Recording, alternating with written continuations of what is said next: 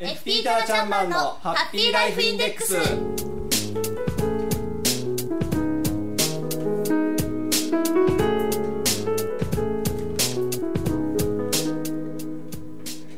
FP タナちゃんマンのハッピーライフインデックス。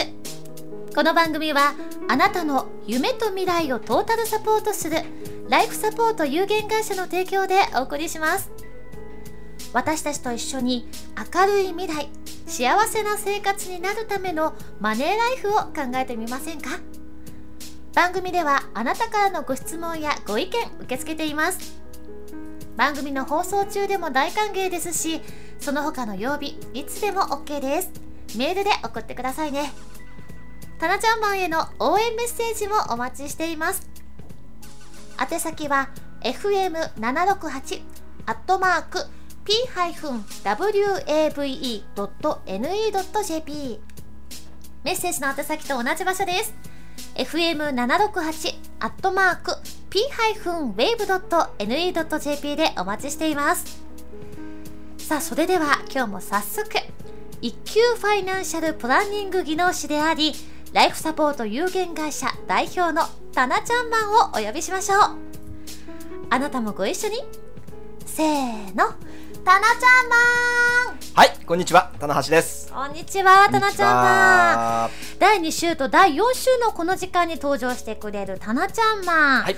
第2週の今日はですね幸せな生活になるためのマネーライフに関するお話を伺っていきます、い。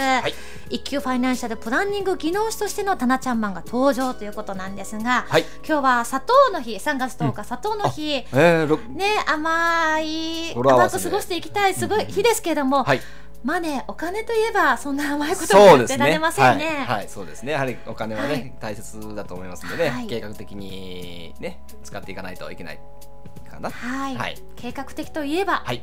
ライフプランですよね。はい。で、えー今日はですね、えーまあ3月ということで、はいまああー年度末、それと新年度に向けてということでね、はいえーこの時期やはりあのマイホームのね購入だとか住み替えをね考えられる方がたくさんいらっしゃいますので、ああそうですね、はい。子供も大きくなったしそうですね。子供が欲しいわっていう方もいらっしゃるかもしれませんね。そうですはい、特に最近ねこの時期あの毎年そうなんですけど、ええ。この2月から4月ぐらいっていうのはこのマイホーム購入に関する相談がすごく多いんですよ。うん。そうなんですね、はい、それそれにね関するお話をしていきたいなと思います。はい。はい、で、えーマイホーム購入そのライフプランニングという観点からですね、えーマイホーム購入というのを考えた場合ですね、えーなんていうのかな。よくですね私がこう相談をお受けしていてええ。感じることなんですね。私自身が感じることなんですけれども、はい。こう結構こうなんていうのかな、えー住宅会社さんあるいはその分譲会社さんとかですね不動産会社さんの、えー広告コマーシャルのですね、えーなんていうのかな。あの歌い文句っていうんですかね、うん。結構に踊らされてマイホーム購入を考えていらっしゃる方が多いなっていうあーたくもういつも感じるんですね。さん広告入ってますしね。そうですね。見出しもなんかこうそそるものがたくさんあります。すね、はい。あの頭金ゼロから購入できますとかですね、はい。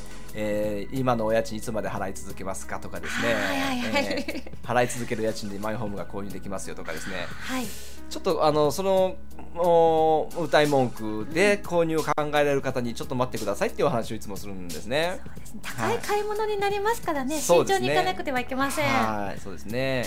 えー例えばまあよくあるのがその家賃をいつまで払い続けますかっていうことなんですけれども、えー例えば、えー月8万円の家賃をですね、はえー例えば今後おそうでしょうね、そのどうでしょうね、そのまあ、アパートマンションにですね、えー例えばご、えーまあ、購入うんマイホーム購入せずに50年間住み続けたとすると、はい。家賃その8万円50年間でいくら払うことになるか計算できますか？5波4で400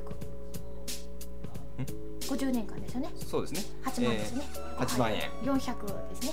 8万円の12ヶ月ですね。12かけるかける50年。かける124800万はい大きいですね。もうだからくらっとしそうですけど。ね。だからまああの30歳の方が80歳までそこに住むとすると4800万円家賃として払うことになりますよね。はい。で、えーまあ、賃貸の場合ですと4800万円払ってもあくまでも賃貸住宅なので、うん。自分のものにならない。要は資産価値としてはななしですよね。ゼロですね、はい。はい。じゃああーマイホームを購入すれば資産としては残りますがっていうところなんですよね、そっかそうなんですね。手入れもありますしそうですね。修復もしてそうですね。修繕もね、うん。あのメンテナンスも必要ですし固定資産税っていうのもかかっていきますよね、でね。例えば、えー、3500万。はい。で、えーマイホームを購入したとするとですね、はい。えーでそのうち3500万のうち3000万円、えー住宅ローンを組んでですね、はい。えー購入したとすると例えば、えー30年間のあ35年間のですね、えー金利が3%として、うん。えーね、3%として、えー計算35年間返済しますと4850万ぐらい返済する形になるんですね。う。ん。うん、そうするとどうでしょう？先ほどの出てきた数字と。そうですね一緒なんですよね。うん。で、えープラスあと固定資産税がかかっていきますよね。ええ。それと、えーよく言われるのがあーまあい戸建て一軒家を購入した場合ですと、はい。えー10年から15年に一度おメンテナンスですね。うん100万ぐらいかかりますよっていうふうに言われますしあそうですね。そうすると35年間だけで4800万払っちゃうことになりますよね。プラス固定資産税はずっと払い続けていきます、で、えーメンテナンスも、まあ、100万150万っていうのが、はい。えー10年あるいは15年ごとにかかっていくっていう形になりますので本当に家賃ってもったいないんだろうかそう考えるとあれ？ってなりますね。っていうところなんですよね。うん、なので、あのやはり、えーまあ、お金のねその手元に残る残らないとは別に、うん。どういう暮らしをしていきたいのかですね。で、ううん。んあの子供たちの部屋をねそれぞれ持たせてあげたいとか、ううん。あのそのどういったねアパートだとこういうこういう生活だけどマイホームだと例えばあのペットがねうん制限役あるじゃないですか、あはい。あ賃貸マンションの場合はね。ですでマイホームだとアパあのペットが飼いたいとかね。そのペットとその家族の団らんっていうのを夢見て購入されるんであればね、ええ。そのもちろんライフプランニングをしっかりやってっていうことで、はい。えーマイホーム購入の、ね、お手伝いを、ね、応援をしていきたいなと思うんですけれども、よくねあの広告コマーシャルなんかでねや言われていることで、えー買う買いたいってなってるだけだったらちょっと待ってくださいって思うんですよね。あーまあなんか憧れのマイホームなんて書いてあるとそうですね。マイホームがいいのかなと思ってしまいがちですはいが、そうですね。これからの生活をまずこうどんなふうに進めていくかによるということですね。はい、ですのでマイホームを購入するね、動機っていうのは、うん。やはりそのライフプランをですね、うん。えーライフプランというライフデザインの方ですね、ううん。んじあのねでライフデザインの方をきちっと描いてそれからライフプランに落とし込んで購入することをねお勧めしたいなというふうに思います。はい。やっぱりもうその例えばご結婚を考えていらっしゃる方とかも、例えばお子さんが何人欲しいかとか、そういったことも考えていったりですとかね。お父さんお母さんと一緒に住むかとか、はい。そういったことももう視野に入れてそうですね。考えていかないといけはいそうない。ということなんですでね。私がねよくねそのライフプランのねあのうん。ご相談にメールをお客様によくお話しするんですが、あの買いたいのはマイホームなんですか？マイハウスなんですか？っていうのをお聞きするんですね。マイホームとマイハウス？そうですね。あの夢のマイホームって言いますよね。あそう憧れの憧れのねねマイホームですね、えで、えー家賃がもったいないから家買いたいんですっていう方は本当にマイホームなんですか？って私を突然するんですよ、えはいはいはい、うん。結局マイホームい家っていうのはその一家団らんとかですねこういう暮らしをしたいっていうための一つの道具でしかないんですねお家って。うんうん。うん、であの家賃がもったいないから買いたいんだってじゃあそのどういう暮らしがしたいとかないっていうことは、うん。家が家を買えればそれでいいんですかっていうことですか。あそれが最終地点なのかということにですね。ね。だから家が目標なのか、ええ。手段なのかなんですね、ええ。であのどうして夢のマイホームというかっていうことを私なりの解釈でお話しするんですけれども、ええ。あの家を英語で直訳するとやっぱりハウスじゃないですか。そうですね。ハウスの方になっていますね。すね。お家という形そうにですね。なるとねだけど、マイホームって言いますよね。マイホーム購入って言いますよね。うんマイハウスってあんまり言わない。そうですね。マイハウス犬小屋みたいです そうですね、そうなんですよ、犬飼いみたいですね。はい。マイハウス購入って言わないですもんね。あんまり言わないですね。ね。ええ。じゃあ、ホームっていう単語にはどういう意味があるのか、はい、で考えてくださいってお話しするんですね。ええ。マイホそのホームっていう単語にはもちろん家っていうね、あの訳し方もありますけれども、はい家庭とかですね、うん、その一家団らんって言ったようなその空間っていう意味があるんですよね。それを購入するんですよねっていうお話をするんですよ。だからそのマイハウスの計画ではなくマイホームという計画をまずえやってからライフプランに落とし込みましょうっていうことをねお話しするんですよね。うん、なのでやはりその冒頭にお話ししましたようにね家賃がもったいないくはぜ決してないですね。家賃のがすあの安くて済みますんでね。そうですうん、ね、だからあの子供さんの成長に合わせて、うん。えー賃貸をねその今は例えば 2D 2LDK のアパートなんだけれども、はい。子供が大きくなったからちょっと家賃の高めの一戸建てのね、うん、借家を借りてで子供がこう大きくなってあの巣立っていったらまた夫婦2人のね、あのアパート、ね、に住み替える当然住み替えの、ね、費用はかかりますけれどもその方がマイホーム買うよりも安くて済むんですよね。そうですよねそれも一つのライフデザインだと思うんですよ。だからそういったあの観点でマイホーム購入を進めていっていただければなっていうふうに。いつも思ってます。そうですか。あの私の友人でですね、はい。あのあの一戸建てが嫌の女の子がいるんです、はい。っていうのがすごい寂しがり屋でですね、うんあのよくこう住宅だと上の方の足音がとか、はいええドアがバンってするのがはいっていうのをよく気になられる方がいらっしゃるんですけど、はい。その女の子は意外とですね逆に人が周りにいるからうん。何、かあった時助けてもらえるんじゃない。一戸建てでもし自分一人だったらうんどうしたらいいんだろうって言って、すごい心配性の女の子のお友達がいるんですけど、えその方はもう一戸建てというよりかは、あのアパートマンーションで。そうですね。でおは子さんがもしねあの、生まれてだんだん家族構成が増えていったら、はただもうちょっと大きめのっていうところで、い。はい。そういうそうな方が。それもね一つのライフデザインだと思うんですよね。そうで。すね人それぞれですそうからね。ですね。だからその価値観っていうものを大切にしてうんマイホーム購入を進めてほしいなっうんていうのはまずやっぱり思いますね。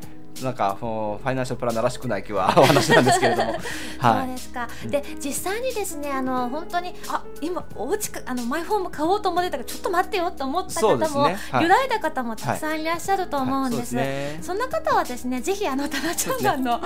あの会社に訪ねていただきたいなと思います。あの実際に今どんなところに住んでますとかね、うん。でこの広告とこの広告見てこういうお家いいなと思うんですけど、はいはい。どうでしょうっていうもう本当にざっくばらんにね、そうですね。というのはどどうしてこういうお話するかというとですね、うんはいあのー結局家賃がもったいないって購入しちゃうと、うん自分が夢描いてた暮らしができない家を購入してしまうことになるんですよ。かもしれないね。結局ですね、あの家賃と比べて購入しますんで、ええ結局こうなんていうのかな、こんな暮らしがしたいではなく、えその予算の方が重視されてて購入しちゃいますんでね、うん、思ってたようなお家じゃなくなってしまう。ケースが非常に多いんですね。ああそう今まであのベランダ火が当たってたのにとお隣のお家で 当たっちゃったからね。はい。当たらなくなったっていうことも起こり得ますからね。はい、ですのでどういう暮らしをしたいのかっていえーう思い描けば、えーそれに向けて努力もしますよね。じゃあお金も貯めますしねうん。ローンの返済計画もええ。本当にもうこうシビアにねあのはい。きちっと計画をしていくっていうことをねお話しできますんでね。そういうことをお話ししてます。はい、はいぜひねあのもういろんなことを あのタナジャンマンに聞いていただくのもいいいかなと思います。こんなにねあのざっくばらんにお話しできるプランナーの方もいないんじゃないかなっていうぐらいねます本当にねわからないことはぜひぜひあの門叩いていただきたいなと思います。すごいわかりやすいところに会社ありますものね。はいはい、そうですね。あの四日市生和町っていうところで、ね、ははいい、交差点あの、えー、野田二丁目という交差点の角にあります。はい、あのポットお持ちの方はタナちゃんマンの絵柄すぐわかると思います。ここですからね、ぜひまたお電話もねしていただいて、あの問い合わせいただけても嬉しいなと思います。はぜひねあのライフサポート有限会社のホームページチェックしてみてください。はい新情報がたくさん載っています。そしてねあの過去の放送分も聞いていただくことができますので、ぜひ見てみてください。はい。またですねこの検索方法なんですが「タナちゃんマン」「ちゃん」だけがひらがなです「タナちゃんマン」と検索エンジンに入れていただいてもヒットしますし、FM ポートウェーブ FM 四日市のですねホームページのトップにこの FP タナちゃんマンのハッピーライフインデックスの紹介コーナーがあります。そこにねリンクがバシッと貼ってありますので簡単にアクセスができるようになっています、はい。ぜひね今日の放送をもう一度聞きたいなという方あれ計算どうだったっけな？とそですねいうう方もね。はい。ぜひねもう一回聞いてみてください、はい。後日ねこちらもアップしていただけると思いますので、はい。十分に聞いていただけます。さてさてその憧れのマイホームと思ってる方ちょっと揺らいだ方もいらっしゃるかもしれませんが、タナちゃんマンが次に登場してくれる第4木曜日は、はい。心理カウンセラーとしてのタナちゃんマン、登場です、心に関するお話をしてくれます、はい。お楽しみになさってください。次回第4週目は3月24日木曜日の4時40分頃からの放送になります、はい。お楽しみに。FP タナちゃんマンのハッピーライフインデックス。この番組はあなたの夢と未来をトータルサポートするライフサポート有限会社の提供でお送りしました。タナちゃんも今日もね目から鱗の話でしたけれどもね、ありがとうございどうもありがとうございました。そ。れでは次回3月24日木曜日の4時40分頃からです。お楽しみに。それでは皆さんバイバーイ